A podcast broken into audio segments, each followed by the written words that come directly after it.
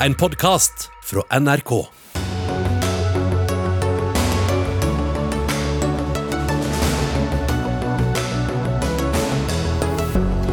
Ukrainas president ber om flere våpen fra Norge, og at norske havner stenges for russiske skip. Foreløpig får han ingen av delene, men det bør han få, mener Venstre.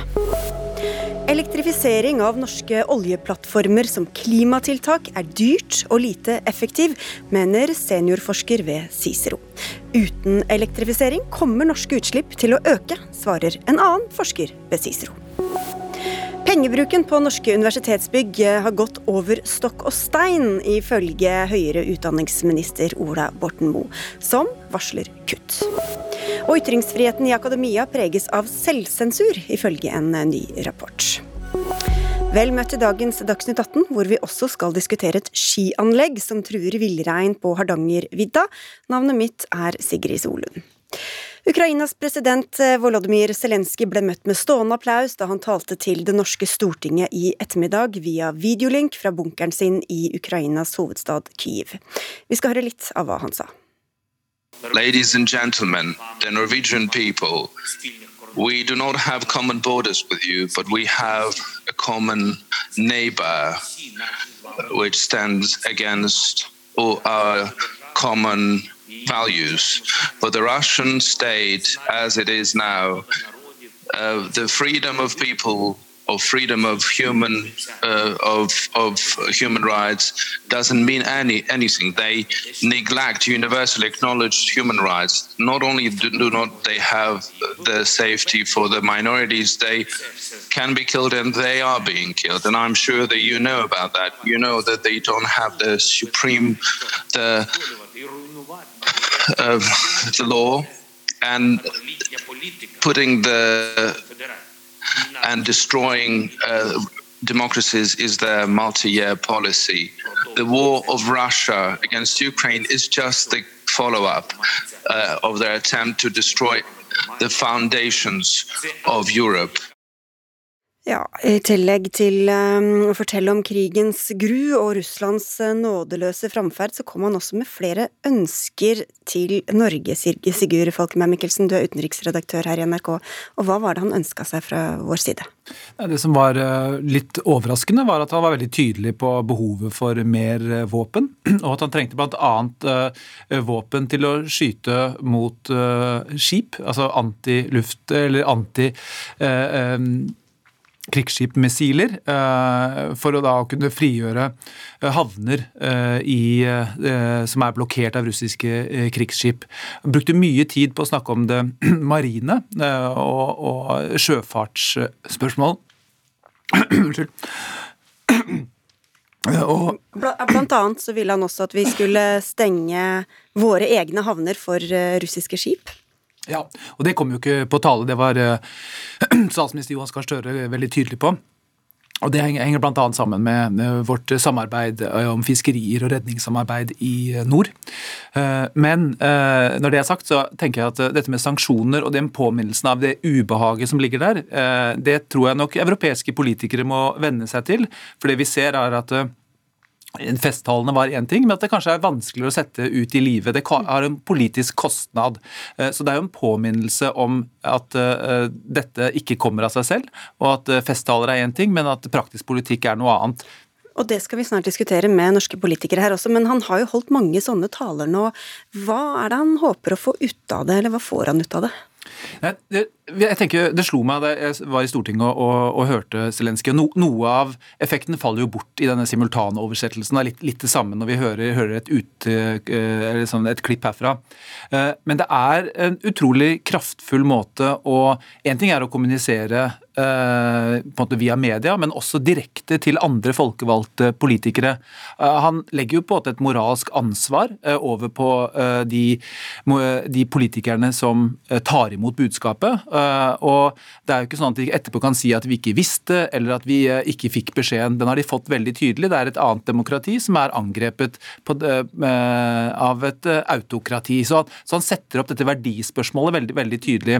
Det syns jeg i hvert fall sitter igjen. Og så er det jo en mulighet for Ukraina å kommunisere også om det de har felles med andre europeiske eller vestlige land, som man også bruker selvfølgelig helt bevisst, men som også er et tydelig budskap. Og så er det en siste ting, at selv om vi har sett flere av disse talene tidligere, så er det utrolig kraftfullt å uh, ha en uh, president på linje direkte fra en bunkers i et annet europeisk land til en folkevalgt forsamling. Og Vi skal få inn tre av dem som satt og mottok dette budskapet. Takk skal du ha, Sigurd. For det var jo altså rungende applaus, men straks etterpå så fikk jo ikke den ukrainske presidenten all verdens gehør for forespørslene sine, som vi hørte. Statsministeren sa at de vil se på om de skal sende flere våpen, og det er altså ikke aktuelt å stenge norske havner for russiske skip. Men det var jo da hyggelig at han inviterte norske barn til 17. mai-tog, eller var forsvarsminister Odd Roger Enoksen? Ja, det var veldig hyggelig. Det var en eh, sterk og rørende tale. Men hvorfor ikke imøtekomme disse andre ønskene, som jo er litt mer krevende? Nei, vi har sendt våpen to ganger, og jeg ser fortløpende på om vi kan bidra med mer. Det er begrensa hva vi har mulighet til å bidra med, har kapasitet til å bidra med, og noe av det han etterspør, har vi ikke i det hele tatt. Da snakker du om våpen, men så er det jo også dette med å stenge norske havner for russiske skip. Venstre-leder Guri Melby, du mener at Norge bør gå foran her og lytte til presidenten? Jeg mener absolutt vi bør lytte til presidenten. Eh, han har jo tidligere også sagt at eh, han trenger ikke bare fine ord, han trenger også handling. Jeg er jo glad for at Norge har ved to anledninger nå sendt våpen til Ukraina. Det har vært viktig. Men han var også veldig tydelig på at sanksjonene er ikke sterke nok. Vi trenger sterkere sanksjoner. Den situasjonen vi står i nå, er jo at Russland har jo effektivt stengt Ukrainas havner. Så Ukraina har jo ikke noe mulighet nå til å handle med resten av verden. Og da mener jeg at eh, Minimum er jo da å imøtekomme ønsket om å også stenge norske og europeiske havner. Og det er andre land som har gjort det.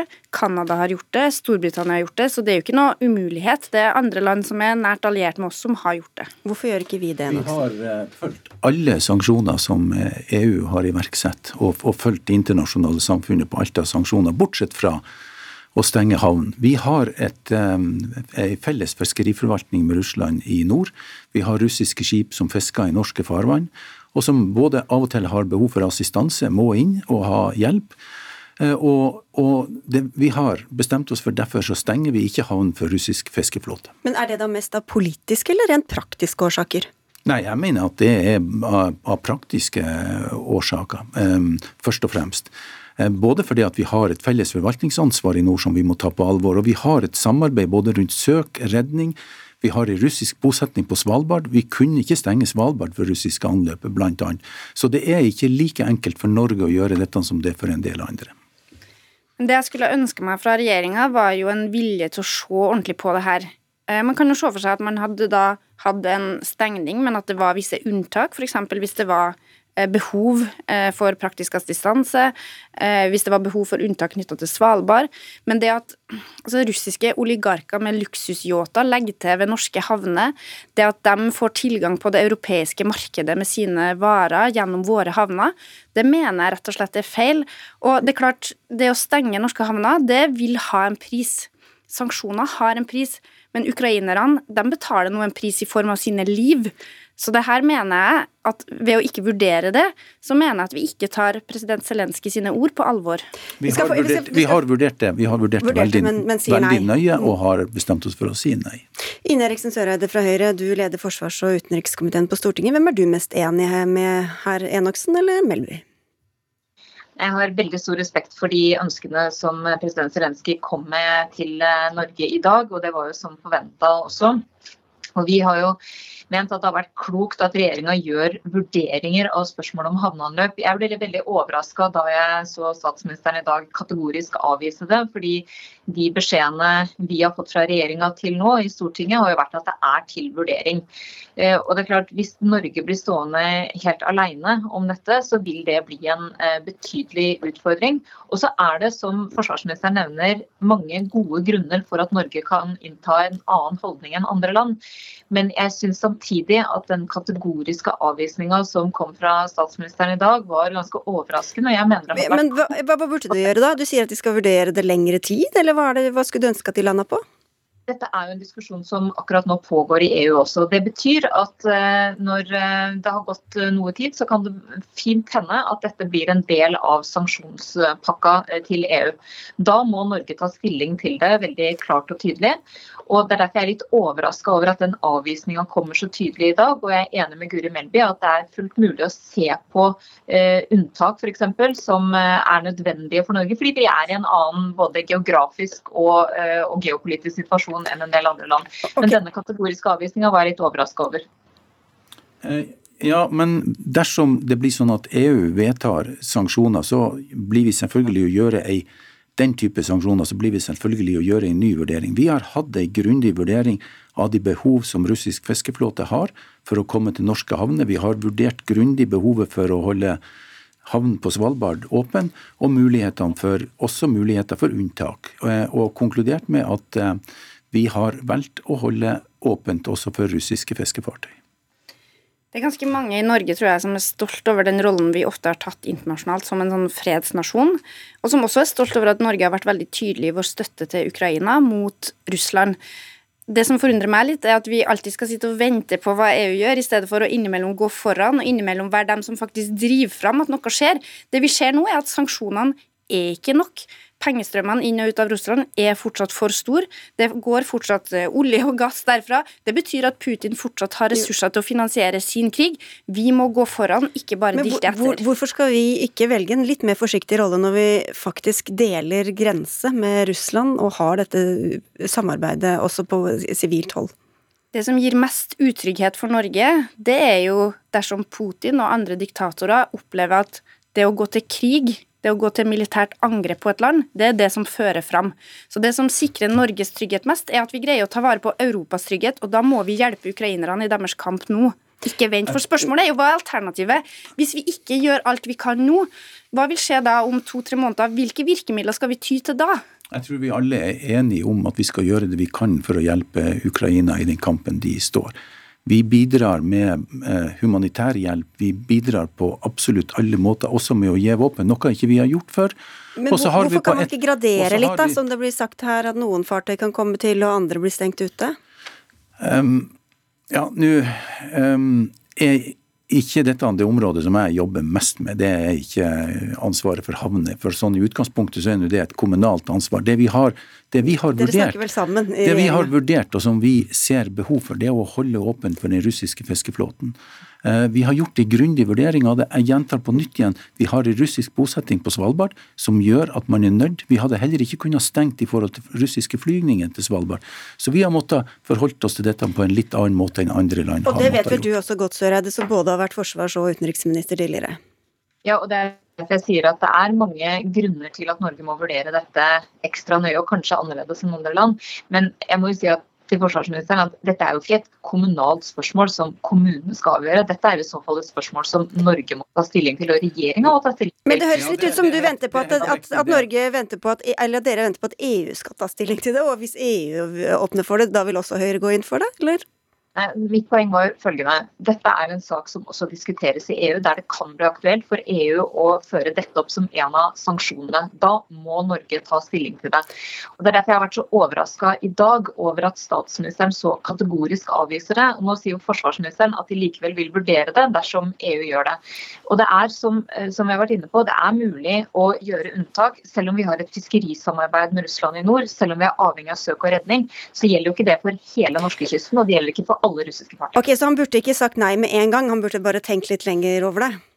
Nei, jeg mener at han burde hatt en vurdering av det. fordi at det som skjer nå er Men tror du ikke de har vurdert det tidligere, da? Når, jo, vi har, vi har, vurdert det. Og når jeg sier at vi selvfølgelig gjør en ny vurdering dersom EU bestemmer seg, så er det fordi at vi har fulgt alle EU-sanksjonene. Det betyr ikke at vi kommer til å si ja om EU bestemmer seg for å stenge sine havner. Men hvorfor er det så viktig hva EU gjør? Hvorfor kan ikke Norge ta Nei, selvstendige avgjørelser? Jo, vi, vi kan ta selvstendige avgjørelser, og det har vi gjort. Vi har valgt å holde havnen åpen.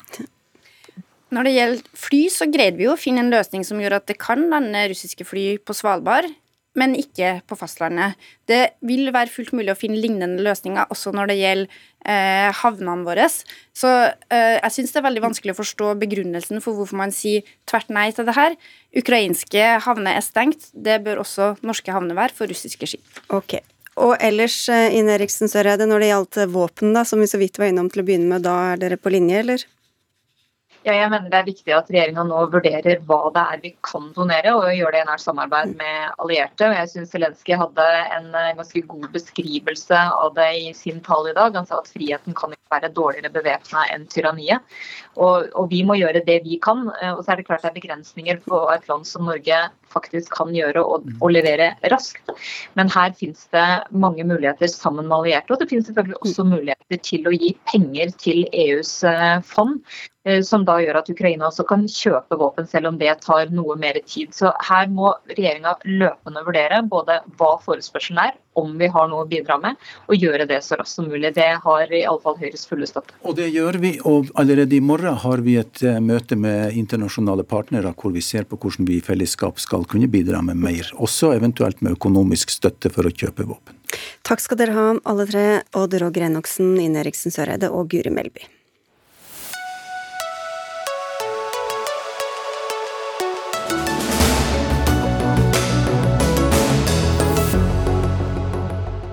Spørsmålet om elektrifisering av norsk sokkel er på ny oppe til debatt i flere politiske partier, selv om det for lengst er vedtatt at 16 oljeplattformer skal driftes med kraft fra land.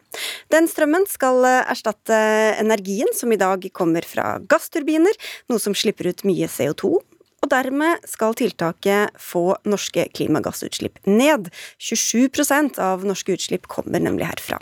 Høye strømpriser og behovet for mer kraft i årene som kommer, har gjort debatten mer aktuell igjen.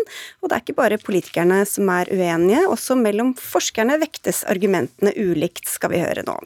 Asbjørn Torvanger, du er seniorforsker ved CICERO senter for klimaforskning. Hvis vi tar utslippene først. De kommer da, som jeg sa, til å gå ned i Norge, men hva viser bl.a. dine beregninger at kommer til å skje globalt? Ja, Når det gjelder Europa, da, eller globalt, så viser min utrekning at det er en usikker effekt på utslipp av klimagasser. Da. Og Det har med at uh, vi kan eksportere mer gass ved elektrifisering, men måten vi bruker denne gassen på er veldig viktig for den samla effekten i Europa.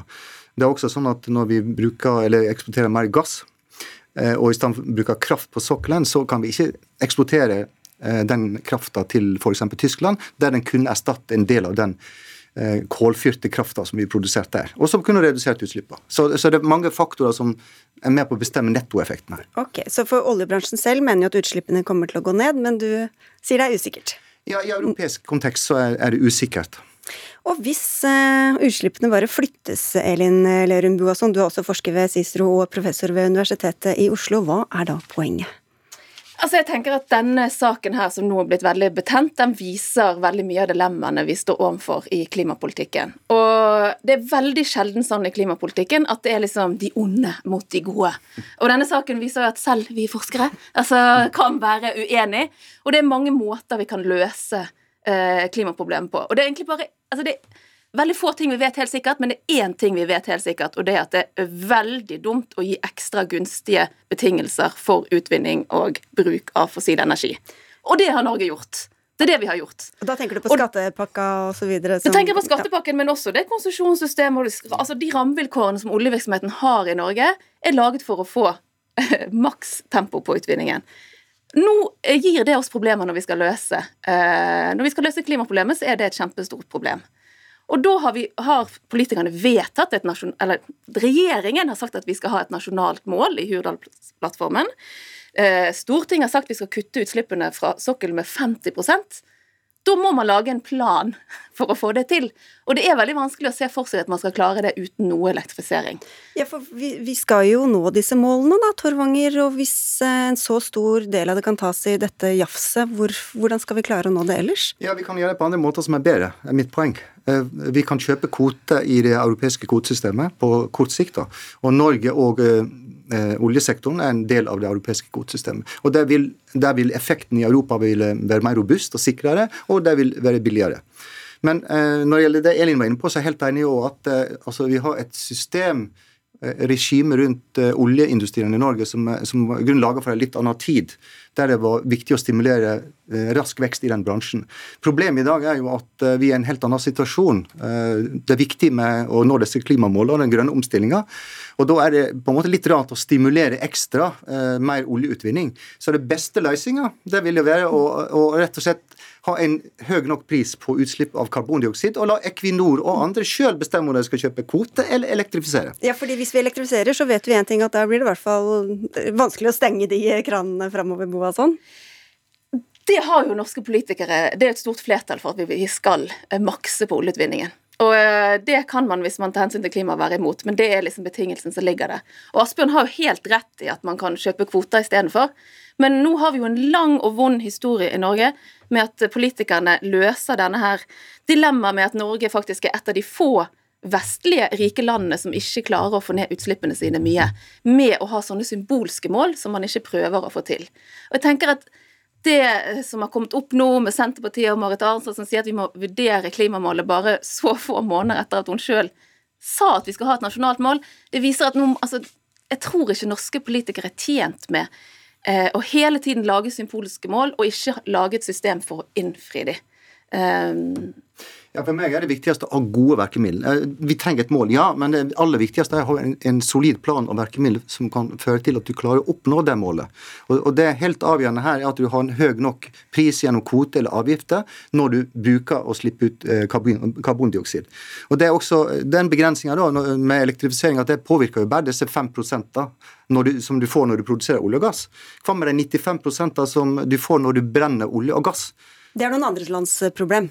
Ja, i hovedsak, ja. Men, det, men, poenget for å håndtere klimaproblem, så er det, så er det jo kjempeviktig å eh, gi alle aktører da, insentiv til å redusere disse utslippene. Og det kan du få ved å sørge for en høy pris og delta i dette kvotesystemet. Men det internasjonale systemet nå med Parisavtalen er at man skal ha en konkurranse mellom land om å lykkes å få ned utslipp. Og at landene skal konkurrere om å virkelig klare å få ned utslipp, og så kan vi lære av det, og så kan vi kutte de enda mer.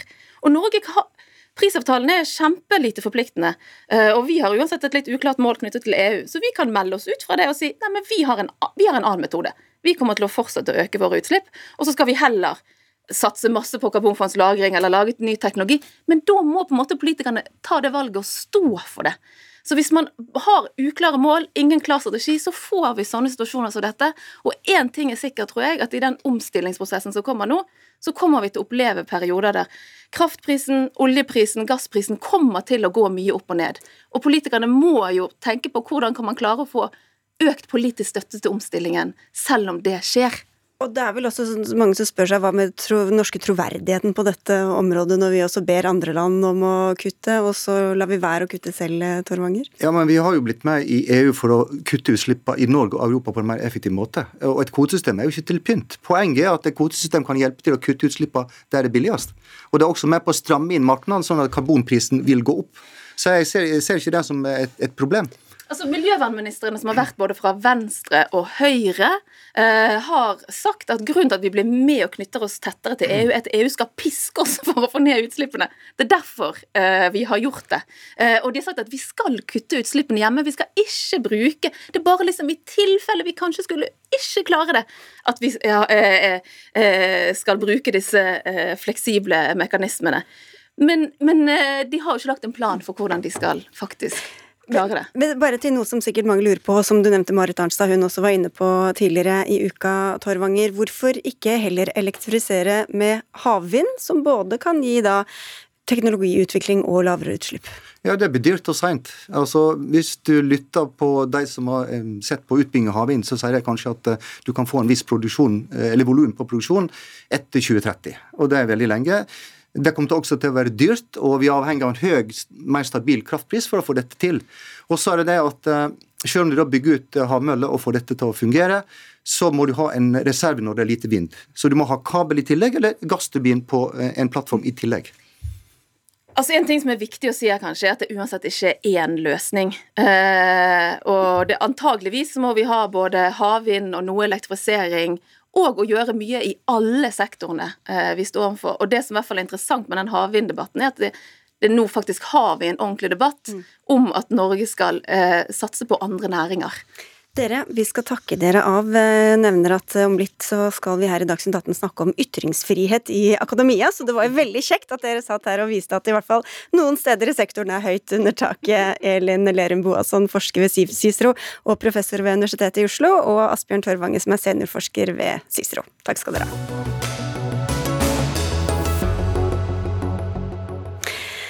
Villreinen er truet i verden og i Norge. I fjor ble den vurdert til nært truet på den norske rødlista, bl.a. fordi vi mennesker ferdes og bygger der hvor villreinen lever. I Eidfjord kommune i Hardanger er det blitt full krangel over et skianlegg, nettopp fordi reinen ferdes der. Ruben Oddekalv, du er leder i Norges miljøvernforbund, og er bekymret over hva dette skianlegget kan få å si nettopp for disse dyrene. Hvorfor det?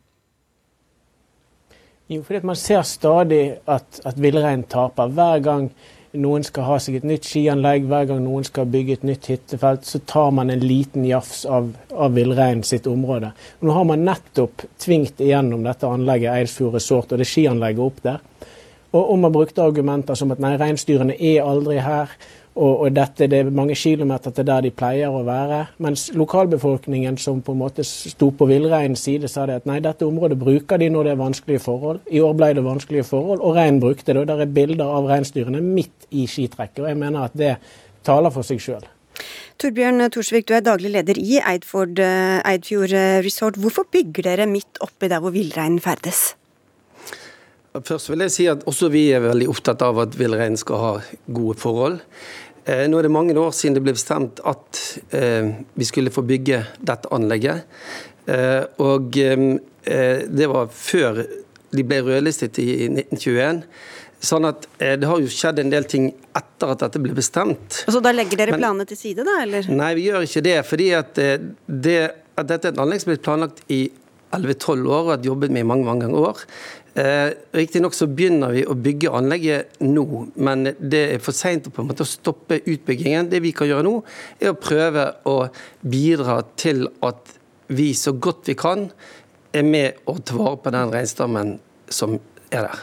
Altså tilrettelegging og mest mulig skånsom utbygging, da, Oddekalv?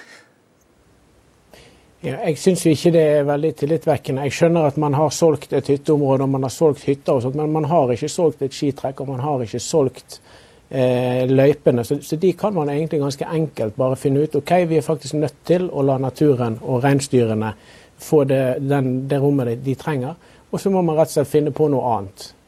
Ja, du sier de skal ha gode forhold, Torsvik. Hvordan kan de få gode forhold midt oppi et skianlegg? Ja, altså, for det første er det viktig å si at eh, de var ikke i dette anlegget, de var et stykke fra. Bare sånn at vi i hvert fall har fakta på, på rett plass. Og så er det også viktig å si at eh, altså, det er 500 km lang grense rundt villreinområdet, og vi bruker 0,06 promille av dette. Sånn at vi i hvert fall har de faktaene eh, på bordet. Eh, vi skal gjøre alt vi kan med informasjon. Vi allerede vi laget jo en undersøkelse når vi skulle for, få, dette, for lov til å gjøre dette. Den undersøkelsen tilsa at vi burde trekke, trekke, litt lenger ned, ikke ha det så langt opp. Vi burde minke nedfallsområdet osv. Det har vi allerede gjort. Det gjorde vi før vi fikk tillatelsen. Det vi kan gjøre nå fremover, er å bidra så godt vi kan med informasjon. Stoppe trekket når det bør gjøres. Eh, og prøve å jobbe sammen med både forvaltning og kommune og myndigheter hvordan vi kan håndtere dette så godt som mulig. Ok, Så dere vil prøve å tilpasse, men spørsmålet er jo hvorfor man fikk ja i utgangspunktet. Anders Vatle, du er ordfører for Senterpartiet i Eidfjord kommune. Statsforvalteren vendte tommelen ned, Statens vegvesen gjorde det samme. Hvorfor sa dere ja til dette? Vi sa ja etter en eh, demokratisk prosess. Det var kjente, det var kjente saker, dette med, med villrein. Vi visste at det ville dette påvirker den planen, sånn som flere planer i Sysendal har gått til. Eh, og så er det jo, så er det verst å merke seg at statsforvalteren eh, hadde tommelen ned. Men, men det enstemmige kommunestyrevedtaket i Eifjord ble jo stadfesta av, av eh, kommunalministeren. Sånn at det har jo vært Og, var, og, og villreinen var jo òg kjent når, vi, når det vedtaket ble gjort. Hvordan er det et argument, at det var kjent? Nei, Det betyr jo at, at villreininteressene og de avveiningene som er gjort i den demokratiske prosessen fram til reguleringsplanen for Eifjord resort, der var villrein òg vurdert, vekta. Det ble sett eh, føresegner, det ble sett krav, og jeg forventer jo òg eh, at de følger opp denne her når de setter i gang bygging av prosjektet. Oddekalv, hva sier du til dette? Jeg syns man må, må, på en måte se seg litt rundt. Man kan si demokratisk prosess mange ganger nok på rad, så høres det fint ut. Men for reinsdyrene så bryr ikke de seg så mye om prosessen. For reinsdyrene så er det nok at 30 mennesker bruker en sti i løpet av et døgn, så er det en barriere for dem. Å tro at man skal ta hensyn med å si ja, vi stenger trekket hvis reinsdyrene kommer nær. Dere kommer aldri til å trenge å stenge det trekket, fordi at reinsdyrene kommer til å skyte som presten. De kommer ikke til å være i området. Og ei heller de gangene når det er vanskelige forhold og de trenger det området. Vatle, mm, ordfører i Eidfjord. altså Store deler av den europeiske bestanden av villrein lever i Norge. Den er, som jeg var inne på, på rødlista. Miljødirektoratet sier at Norge har et særlig ansvar for å forvalte denne. Hvem skal gjøre det? Jeg mener at vi må gjøre en god jobb lokalt. Altså I, i Eidfjord resort så er det 450 dekar som, eh, som er beslaglagt av eh, villreinområdet. Altså, vi jobber jo knallhardt her òg eh, i dette området for å, å gi tilbake 1,2 millioner dekar til, til villreinområdet. Jo, men hvorfor veier ikke naturhensyn mer når dere skal ta disse beslutningene? Altså I de beslutningene så er det jo klart at det er villrein, det er naturmangfold, altså myr, alt dette rundt eh, det å beslaglegge areal. Og så er det òg opp mot samfunnsutvikling og bevare Eifjord kommune. og så Legge til rette for næringsutvikling og alt dette her. Og, og, og helt på å si, og så er det viktig å, å skape et livsgrunnlag for, for Eifjord-samfunnet. Det er jo ulike hensyn mot hverandre da her, eh, Oddekalv, men hvorfor er dette så viktig, akkurat dette området for reinsdyra? Ja, jeg datt ut. Du datt ut litt. Nei, jeg sier Ordføreren her forklarer jo hvilke andre interesser som står imot, og det er næringsinteresser, og folk ønsker jo å gå på ski, da. Men hvorfor er dette så viktig, egentlig, ut fra ditt perspektiv? Nei, altså Mitt perspektiv er jo hensynet til villrein. og Jeg har veldig stor forståelse for at folk ønsker å være i naturen, og at det har, har stor betydning for mange. Men nå er det nå engang blitt sånn at hvis man ser på Hardangervidda og man bruker tall, så er det sånn at hver kommune rundt og alle hyttelandsbyer sånn, har det perspektivet at vi tar bare litt. Vi skal bare ha én et lite skitrekk her, vi skal ha en liten løype der. Det er masse andre steder. Men for reinen så er det ikke sånn det fungerer. Reinen er avhengig av store, helhetlige områder. og faktisk kunne flytte seg fra område til område. Og, og når Eidfjord og andre kommuner rundt på en måte tar bare litt og 0,1 eller annet prosent. Summen av dette her, og summen av alle folkene som på en måte skal bare nett dit og bare litt opp på den toppen der, summen av alt dette her er massivt. Og det ser vi på villreinen nå, at villreinen blir i stadig dårligere form. Og han står og sturer. Han får ikke trekke sånn som han skal. Og det er pga. at det er for mange som har tatt bare bitte litt. Og da var det tilbake til det jeg spurte om da, Anders Vatle. Hvem skal egentlig ta og forvalte, forvalte dette, når hver enkelt kommune ser på seg og sitt? Nei, Det er jo det jeg mener, at den forvaltningen den har vi god hånd om òg lokalt. Det er jo kommunene som er arealmyndighetene i Norge og kommunestyret. Eh, og det er jo det som jeg også sier, at dette er 450 dekar. Altså, vi jobber jo òg i Eifjord for å tilbake og, og, og utvide leveområdet til villreinen med 1,2 millioner dekar. Altså vesentlig bedre levevilkår òg for villreinen hvis vi får på plass eh, f.eks. Dyranutunnelen, som er viktig, eh, et viktig grep for å gi nordsida av rv. 7 på Hardangervidda tilbake til villreinen. Tror du, Torbjørn Thorsvik, at uh, dere kommer til å skremme bort uh, reinen? Altså, jeg, eh, det, det, jeg har ikke nok kunnskap til å vite det, men det som jeg vet, det er at Oddekalv og, og, de som jobber med dette, gjør en veldig viktig jobb. Altså, Det er viktig å, å, å finne ut om vi gjør det, og vi skal bidra til å, å finne ut om vi gjør det. Eh, og så Hvis da ordføreren får til det med å utvide området, så kan vi håpe at eh, de felleskreftene som nå går inn, eh, gjør at reinsdyrene får det bedre og ikke verre eh, til slutt. Men hva hvis det viser seg at dere gjør det, da? Nei, Da må vi bidra til å se hva vi kan gjøre. Um, og Vi har jo snakket om kanskje vi bør lage et forskningsprosjekt som starter nå når vi får opp dette anlegget, og ser på hva, hva konsekvenser det får. Uh, jeg synes Dette er jo viktig for uh, alle vi som bor i Norge, at vi tar vare på den stammen med å gjøre det vi kan. Og så er det litt uenighet om det er akkurat dette anlegget som er hovedproblemet, eller om det er summen av alt som Oddekval peker på som, som er det store problemet. Takk skal du ha, Torbjørn Thorsvik, daglig leder i Eidfjord eh, Resort. Og takk til deg, eh, ordfører for Senterpartiet i Eidfjord kommune, Anders Vatle. Og til deg, Ruben Oddekalv, leder i Norges Miljøvernforbund.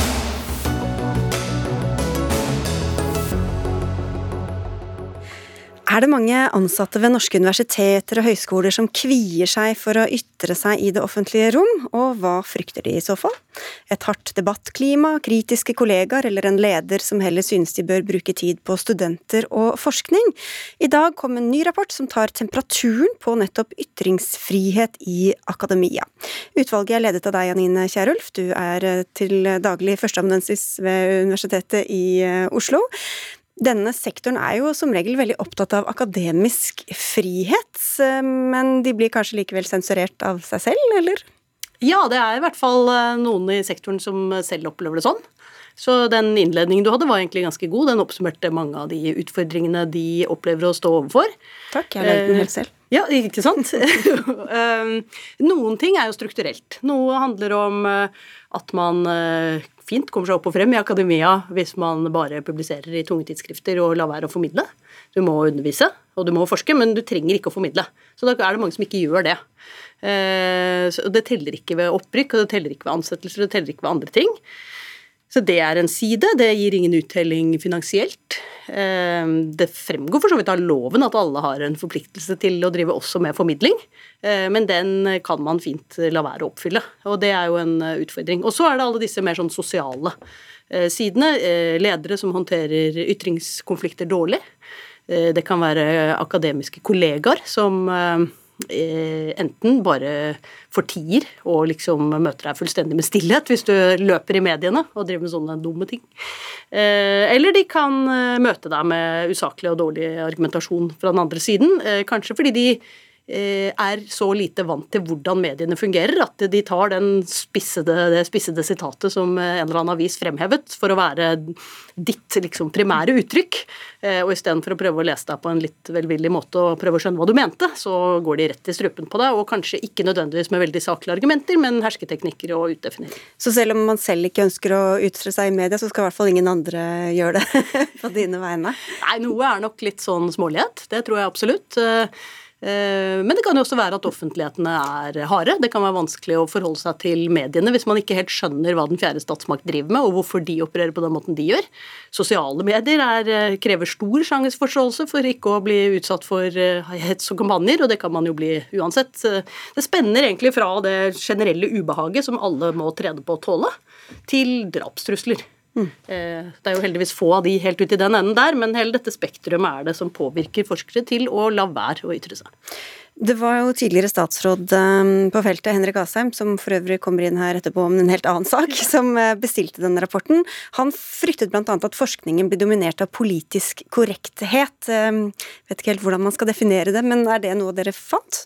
Ja, det er en av utfordringene. Det er jo en ganske betydelig utfordring i kanskje særlig i USA på en del campuser. Nå har vel den pendelen snudd lite grann heldigvis noen steder der, men det er jo tendenser til noe av dette også i Norge. Det som er en ganske stor forskjell i Norge, og som eh, ble fremhevet av eh, Grete Brochmann i en eh, interessant kronikk forleden, det var jo som har jobbet på migrasjonsfeltet, som typisk er et felt hvor du blir tatt til inntekt for en av sidene, litt avhengig av hvilke funn du kommer til det er at det, det presset fra politisk korrekthet, det, det fins. Men eh, måten vi håndterer det på nå, er bedre, mener hun, enn det var før. Nettopp fordi når noe sånt skjer, så blir det stor grad av offentlig debatt om det. Og vi har en større grad av felles offentlighet i Norge, som gjør at uh, dette løftes frem, det diskuteres, det kommer frem ulike synspunkter. Det er iallfall ikke sånn at de uh, forskerne som opplever dette, uh, gjør det helt i stillhet og uten at noen bryr seg om det. Det kommer frem til offentlig debatt, og det er kanskje den beste måten egentlig å kontre den type tendenser på. Cecilie Hellestveit, du er jurist og samfunnsviter Folkerettsinstituttet og en hyppig gjest her i Dagsnytt 18. Og du har jo også stått i noen stormer sånn offentlig, blant annet uh, i fjor høst var vel det, da du snakket om internasjonalisering i akademia i Norge. Hvordan syns du det står til med ytringsfriheten i denne sektoren? Jeg har lest eh, denne rapporten fra utvalget, og den er helt strålende. For den tar liksom virkelig eh, situasjonen på kornet. Den er stram, poengtert. Det er 100 sider uten dødtid, og så er det 20 sider med tiltak som kan gjøres på forskjellige nivå. Så eh, dette her anbefaler jeg alle med interesse om å lese. ja. eh, og det som jeg tenker er jo at eh, utvalget tar tak i akkurat noe av det som er så sentralt rundt dette med formidlingen. Fordi vi er et lite land i Norge. Eh, det er akademia som er kunnskapsbasen vår, og det er viktig at det genererer kunnskap også ut til samfunnet. Og Det syns jeg at uh, utvalget tar veldig godt tak i, med veldig mange gode forslag på hvordan vi kan styrke den delen av akademias virksomhet. Så, så det, er en, det, er en, veldig eh, poengtert rapport som har veldig mange klare anbefalinger til hva vi bør gjøre for å styrke den akademiske friheten i Norge. Jeg syns jo ikke at den er veldig truet sammenlignet med de fleste land vi kan sammenligne oss med, men det er noen tendenser eh, på den ene siden som utvalget tar tak i, og så er det noen utviklingstrekk generelt i samfunnet som gjør at akademia blir kanskje enda viktigere i tiden fremover. Og det syns jeg at, utvalget tar virkelig godt tak i. De beskriver på en måte hvorfor akademia skal være en så sentral funksjon og ha en så sentral funksjon i det norske samfunnet. Og jeg må si det er en ganske ambisiøs beskrivelse, men det syns jeg er helt på sin plass at vi, at vi, er, og det har vi i høyeste grad mulighet til å gjennomføre. Så, så jeg må si at, at, den måten som utvalget på en måte tegner opp bildet, eh, gjør at eh, det er god grunn til å være optimistisk dersom vi klarer å gjennomføre mye av det som, som foreslås. Men er du blitt møtt med noen som syns at du kanskje stikker hodet litt vel eh, langt fram, f.eks.? Nei, det har jo vært noen eh, Det var jo noen, noen eh, tak i høst, men jeg syntes jo at utgangen på det eh, var at både institusjoner og enkeltpersoner og pressen og en del andre tok veldig prinsipielle standpunkter som gjorde at jeg ble egentlig mer beroliget i forhold til at vi begynner å få en sånn skal vi si, eh, intuitiv reaksjon på at vi er uenige med det du sier, og du kunne kanskje si det på en litt annen måte, men retten din til å si det, den, den skal vi kjempe for. Og det er jo det det egentlig handler om her. ikke sant? At det er på en måte det at når du har eh, synspunkter og meninger eller eh, funn som er faglig fundert, så skal du på en måte ha det rommet som, mm. som, vi trenger i samfunnet i dag. Vi hadde jo her inne før dere kom en diskusjon mellom to eh, forskere ved det samme instituttet, eh, men hvor ulike eh, blir dette håndtert, Kjærulf, ut fra hva dere har sett på fra de forskjellige instituttene og universitetene, og takhøyden og, og, og måten ledere og kolleger liksom takler dette? Det fins veldig mange gode eksempler på at det takles på en god måte, og, og, at man kan ha forskere ved samme institutt som mener ulike ting, og kan debattere det på en saklig og skikkelig om enn skarp, gjerne det, måte i offentligheten, og det er helt utmerket. Men den ryggmargsrefleksen som uh, Cecilie Hellestveit uh, har sett i sin egen debatt på en veldig positiv måte, den er nok ikke like mye til stede alle steder. Sånn at i tillegg til de litt mer harde virkemidlene med lover og finansiering og den type ting, så, så har vi vært opptatt av egentlig å beskrive betydningen av klok ledelse. For kanskje særlig ledelsen på institusjoner varierer ganske mye. Ikke nødvendigvis helt opp på toppen, men på en del mellomledernivåer så er det veldig varierende hvor god ryggmargsrefleks man har for ytringsfrihetens begrunnelser når man opplever å stå i en type konflikt som er avstedkommet av ytringer. Men så er det sånn som vi i Dagsnytt 18 som snakker en del med forskere, de er veldig redde for at man må spissformulere seg altfor mye eller forenkle og fordumme. Hvordan skal forskere forholde seg til det, har du noen råd der, Hellestvei? Nei, jeg tenker at det handler også om litt sjenerøsitet forskere imellom. At man forstår de ulike plattformene vi opererer på. Når vi er i et akademisk miljø, så er du veldig presis, mens når du er ute i, særlig i media, og hvis det er en opphetet eh, situasjon, så blir ting spissformulert og at man, man, forstår forskjellen på en kronikk og et intervju, f.eks. At, at, at man ikke da møter sine kolleger med, med en form for fordømmelse, eh, men at man legger på en måte eh, godsiden til og tolker ting i beste mening. Og er man faglig uenig, så er plikten man har som forsker til å gå ut og imøtegå det som har blitt sagt, med faglig kritikk. Og det er jo det vi egentlig ønsker, at man skal få mer av den form for skal vi si, kvalifisert faglig meningsutveksling ut i samfunnet som på en måte kommer mye større del av offentligheten også til del. Så hva lander dere på da, da Kjerulf? Hvordan skal man klare det? Ja, Vi er opptatt av eh, Vi har eh, nå foreslått en lovendring som sier at institusjonene har ansvar for å lære opp både studenter og, og ansatte. Helt si, Fra den yngste student helt opp på ledernivå. Eh, I akademisk ytringsfrihet hva det er for noe, hvorfor det er viktig å beskytte det, men ikke minst hvordan det kan utøves på gode måter. Um, tverrfaglighet er et sånt uh, populært ord i akademia. Hvis du skal arbeide tverrfaglig, så må du skjønne metodene og målene i det andre faget som du jobber sammen med. På samme måte så må man skjønne hvorfor jobber pressen, hvorfor jobber den fjerde statsmakt sånn som de gjør? Hvorfor har de det der Vær varsom-plagg, hva er det det funker sånn? De? Hvorfor spisser de, hvorfor gjør de det på denne måten her? Hva er forskjellen på et intervju og en kronikk, som du sier? Hvordan fungerer de sosiale mediene, hva er det som funker der, hva er det som ikke funker der? Den type trening i, i, sjangerforståelse, men også rett og slett dilemmatrening, hva gjør man når sånne ting oppstår, men også litt tåletrening. For det er krevende å stå for noe.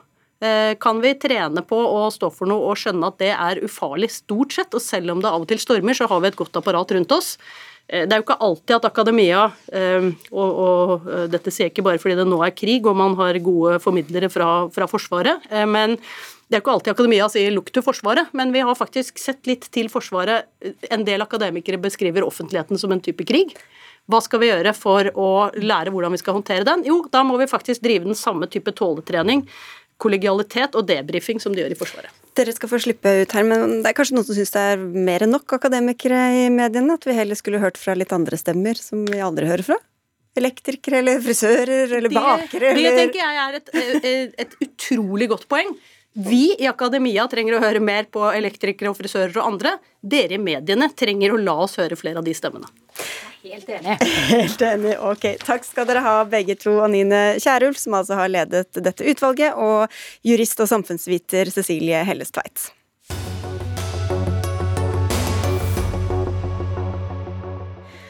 Den forrige regjeringa heiv penger etter universitetsbygg, mener høyere utdanningsminister Ola Borten Moe, som varsler opprydding i sektoren. Det skriver både Dagens Næringsliv og Krono. Flere byggeprosjekter er blitt forsinket og langt dyrere enn antatt, og nå blir det altså kutt. Blant annet vil du nedskalere campusprosjektet, som skal samle NTNU på Gløshaugen i Trondheim, Ola Borten Moe. Hvorfor må dette prosjektet nedskaleres kraftig? Nei, eh, jeg kommer til å gå gjennom alle de prosjektene som nå ligger i min portefølje. Eh, campussamling NTNU det er det første og det største. Eh, så det er en helt naturlig plass å starte. Men også resten av, av porteføljen min og bakgrunnen er jo et kostnadsbilde som ikke er bærekraftig.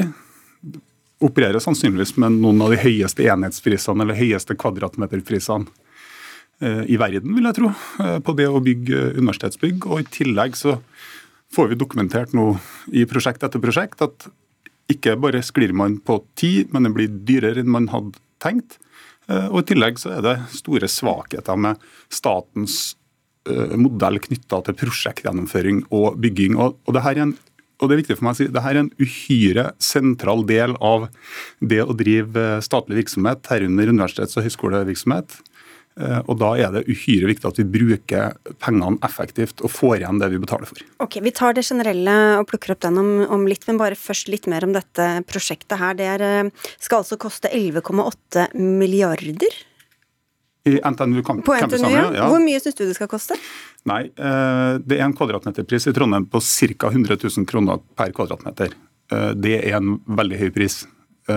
Det er etter mitt skjønn både et betydelig potensial for å se på tiltak for å få ned kvadratmeterprisen, betydelig. Eh, andre bygger høyskolebygg for eh, godt under halvparten. Eh, det syns jeg er et rimelig spørsmål å stille. Altså, hvorfor skulle vi klare det i Trondheim? Vi trenger å se på effektiviteten i arealbruken, og så er vi helt sikre på at vi får optimale løsninger. Eh, og så tror jeg helt til slutt Når det gjelder campusløsninger i Trondheim, så må vi jo se på det som er kjernen i prosjektet. og Det er jo for dem som er godt kjent, å få flytta Dragvoll ned til Gløshaugen og Trondheim sentrum. Og Det er utgangspunktet mitt at vi skal få til. Ok, Å samle alle fagmiljøene, Anne Borg, du er rektor ved NTNU. Men hvorfor er det verdt nesten 12 milliarder kroner? NTNU er Norges største universitet og campusprosjektet er en investering for hele landet. Vi skal samles eh, fordi at vi best mulig skal bidra til å løse de store samfunnsutfordringene. Skape nye, bærekraftige jobber. Bidra til grønn omstilling, bedre offentlige tjenester og bedre skole og helsevesen gjennom de kandidatene som vi utdanner, og den forskninga vi gjør. Men hvorfor, hvorfor, er det så viktig hva slags bygg man har, og at alle sitter samla? Jo, fordi vi da dermed utnytter eh, særtrekket ved NTNU, nemlig at vi har en eh, teknisk-naturvitenskapelig hovedprofil, men også mange fagområder eh, som breddeuniversitet, som gjør at de ulike fagområdene kan dra veksler på hverandre, og studenter kan velge fag på tvers, og også jobbe tverrfaglig om problemstillinger. Ja, nå har vi hatt to innlegg her, eh, også i det forrige hvor vi snakket om tverrfaglighet og viktigheten av det, Borten Moe. Ja, jeg har personlig trua på det. Eh, så jeg tror at tenkinga rundt eh, campussamling i Trondheim, og det å både blande fagmiljø og få til mer samhandling, interaksjon mellom det som er, er, er, altså de tradisjonelle NTH-fagene og den aktiviteten som skjer på Dragvoll, det tror jeg har mye for seg. Men det er ikke det samme som at det ikke spiller en rolle hva det koster. Eller at vi ikke har noe forhold til hva vi får igjen for de enorme investeringene samfunnet tross alt skal gjøre. Og Basert på den verden vi lever i i dag, der vi både er nødt til å prioritere hardere, eh, men ikke minst eh, utnytte pengene mer effektivt, så er det nesten litt forstemmende at vi ikke hadde tatt tak i det her før. For at det her har vært en trend i sektoren over tid. Ok, Akkurat her har det vel vært flere nedskaleringer, men eh, det var jo dere som fikk skytset her, da. Henrik Asheim, ja. du er stortingsrepresentant for Høyre og hadde tidligere Ola Borten Moes jobb i Solberg-regjeringa. Mm. Hva syns du om de signalene som kommer? Først må jeg si at jeg har stor forståelse for at statsråden det tror jeg vi ville gjort også, eh, tar noen runder på hvordan byggeprosjektene organiseres, hvordan man kan unngå byggekostnader som sprekker osv. For det er en utfordring ikke bare innenfor universitet- og høyskolesektor, men i mange av de prosjektene som offentlig sektor gjør. Så syns jeg det er veldig rart å uh, begynne der hvor statsråden begynner. For jeg forstår at NTNU er det første han har på bordet. Men vi har jo både nedskalert prosjektet flere ganger, men også valgt en ny modell, nemlig å si det som på godt norsk heter design to cost, men altså som betyr at du får en sum penger, det er det du får. Og så innenfor det så må prosjektet realiseres. Hvis det da sprekker et sted, eller tyter ut et sted, så må du kutte et annet sted. Det viktige for oss med å komme med den løsningen, det var jo i den forutsigbarheten til et av de store, viktigste kanskje, med universitetsprosjektet prosjektene vi nå har i Norge.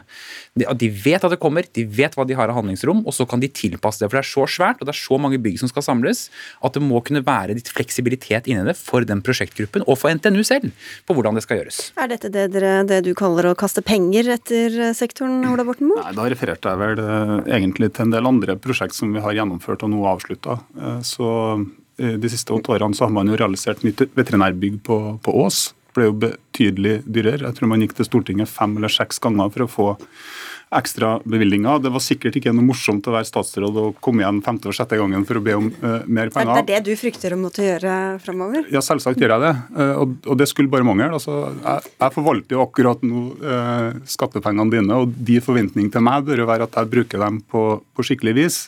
Og når vi har en butikk som ikke virker, mm så er det jo min jobb å sørge for at uh, vi trekker lærdom av de prosjektene men, men til, som har vært. Men til det konseptet som Henrik Asheim uh... ja. Uh, design to cost, da, der du egentlig setter en ramme på hva dette her skal koste, det tror jeg man kan diskutere litt opp og ned. For det høres jo, høres jo greit ut. Men du har jo ikke noen garanti for at uh, man klarer å holde seg innenfor den kostnadsramma. Alle prosjekt har en styringsramme og en kostnadsramme uh, i staten.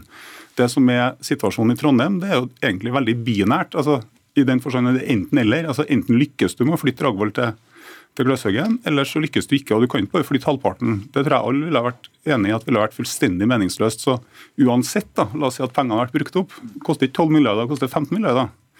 Eh, så hadde jo det kommet til å blitt gjennomført. Og det er jo vi som har kommet til å plukke opp den regninga etterpå, uansett okay, hvor mye du sier at du har sagt i kostnadsrammen for et å begynne med. Men det, men det, er ikke helt tilfellet. For dette var jo det samme som vi gjorde på beredskapssenteret, f.eks. som politiet bygget. Det var også design to cost. Jeg beklager dette engelske uttrykket, men det er altså det. Ja. Eh, og det ble dermed holdt innenfor den rammen hvor man kunne få for høye kostnader på et sted, men da måtte det tas ned på et annet sted. Et annet eksempel som statsråden har vist til, det er livsvitenskapsbygget som skal bygges i Oslo. Som handler om å rett og slett utvikle den eksempel medisinutdanningen man har på Universitetet i Oslo. Den sprakk med en milliard fordi grunnforholdene var annerledes enn Statsbygg trodde.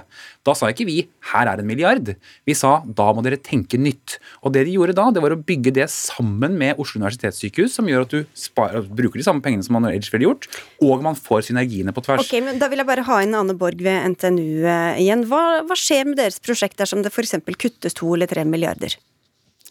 Ja, Det tror jeg ikke jeg kan svare på nå. Eh, Det vi gjør akkurat nå, er at vi har snakka med statsråden. Eh, Jeg forstår at han eh, ønsker at vi skal få til å samle campus, men at kvadratmeterprisen er for høy.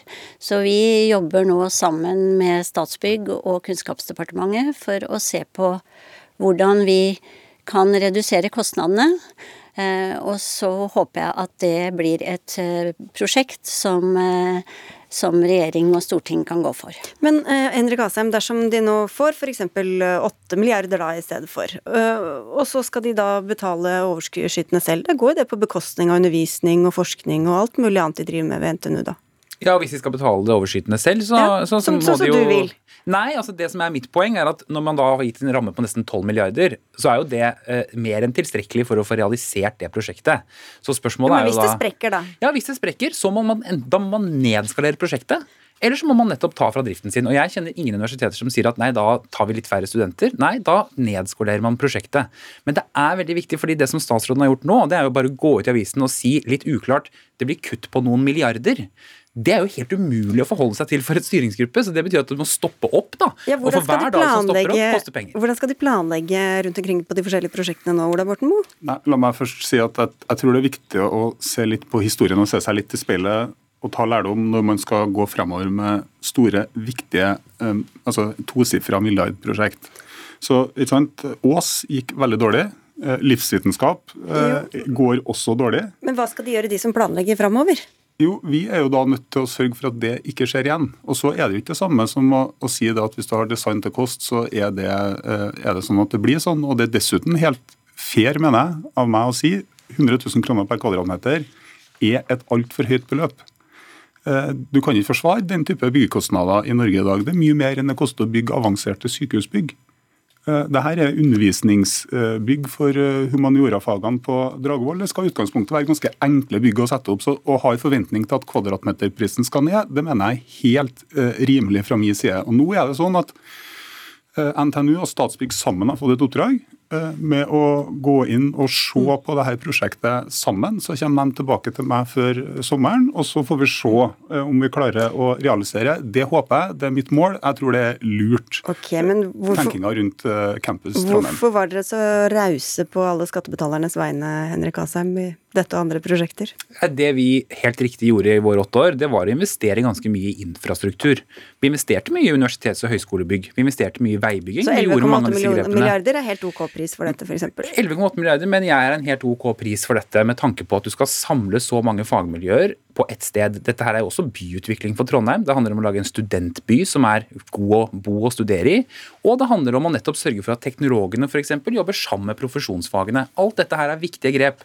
Så har jeg all sympati og sans for politikere som sier at vi må holde igjen på pengebruken der hvor vi kan. Men jeg syns det er veldig synd, nå som vi var ferdig med dette, vi hadde en plan, vi hadde en ramme, og så kommer det nye signaler som er veldig uklare om at det kommer et kutt. Vi vet ikke når, vi vet ikke hvor mye, men det kommer et kutt som kommer til å kaste alle ballene opp i luften igjen og kan forsinke prosjektet ytterligere. Jeg, jeg, jeg vil mene veldig sterkt at det er min, eh, altså min plikt som statsråd eh, å sørge for at de prosjektene som nå skal gjennomføres, får en helt annen utgang enn de prosjektene som har vært gjennomført av forrige regjering, og som har gått veldig dårlig.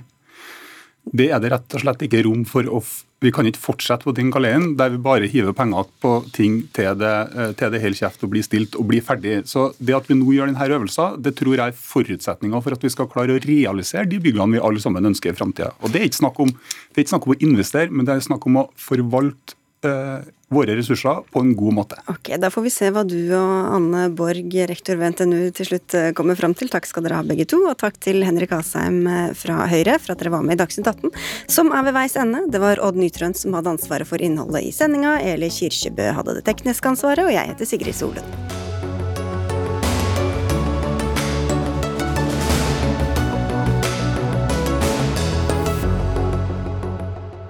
Du har hørt en podkast fra NRK. Hør flere podkaster og din favorittkanal i appen NRK Radio.